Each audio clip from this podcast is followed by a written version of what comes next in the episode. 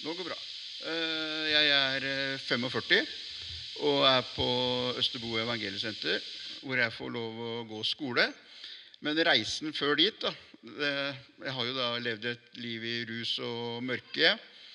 Eh, heldigvis, da, i 2017 så måtte jeg inn på en eh, korttidssoning på Trøgstad fengsel. Eh, Det er et åpent fengsel hvor man kan gå litt rundt. og Det er jo inngjerda for at folk ikke skal forvirre seg inn der på området, tror jeg.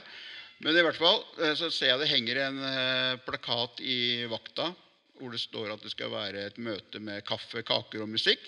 Så står det jo evangeliet med liten skrift på den eh, plakaten. Jeg visste jo ikke hva evangeliet var. Og hadde jeg hadde jo ikke gått, faktisk, jeg hadde ikke gått i det møtet hadde jeg visst at det var det. Det var de kakene jeg egentlig bare så for meg. Og jeg går da i det møtet, er en av de første som møter opp.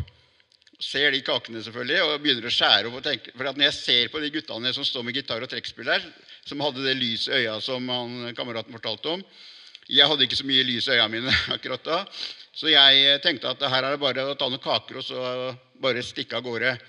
Idet jeg begynner å skjære opp kaker, så sier de hei, du må roe ned. Du skal høre noen gode nyheter tenkte jeg, ja vel, jeg får håpe det går kjapt. da. Men eh, de begynner å fortelle om evangeliet. Og jeg får da høre at eh, Jesus han eh, var Guds sønn, og han døde for oss og sto opp igjen og sitter ved fars eh, høyre hånd. Og at han døde for sånne syndere. da, Det var jo en veldig god nyhet. Og Så begynner de da med den takk og lov-sangen, det bordverset, som da var startskuddet for å endelig kunne begynne å spise kaker. Jeg hiver innpå kaker, og så var det en forbeder der som lurte på om jeg ville ha forbønn. Så sier jeg, 'Hva er forbønn?' 'Kan jeg be for deg?' Og da husker jeg at jeg sa, 'Vet du hva? Helst ikke. Jeg syns synd på deg som kommer her og gir kaker til oss som er eh, ja, kriminelle.' da. Og så sier jeg, 'Du skal få lov', da. Jeg syns synd på han mannen her. så han legger hånda på meg og begynner å be. Og så får jeg sånn fred. Så tenker jeg hva er det med har putta de kakene her, egentlig?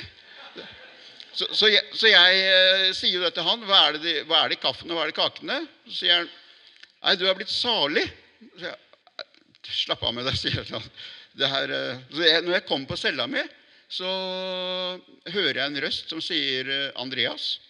tenkte jeg, hva i all verden er det her? Jeg må titte ut på gangen, og det er jo ingen der. Kommer inn igjen, så hører jeg en røst som sier 'Andreas, følg meg, så skal jeg gjenopprette alt det du har mista'. Og da var det ikke noe kakestykke som snakka til meg lenger. Så jeg, jeg sier det at eh, hvis den freden her varer mer enn en ukes tid, så skal jeg gjøre et forsøk å folde hendene og komme inn for deg. Og den freden har jo vart. Jeg har jo ikke blitt sinna eller overreagerer ikke.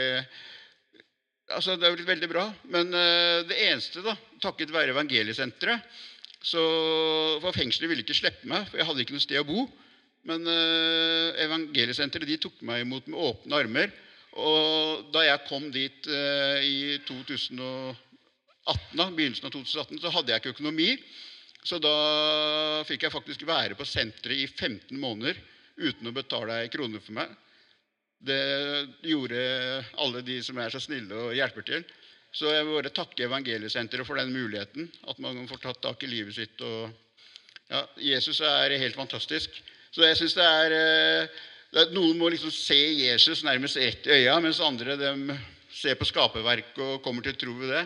Så jeg er glad han kunne møte meg med den freden, så jeg også kom til tro. Takk, Jesus. Amen.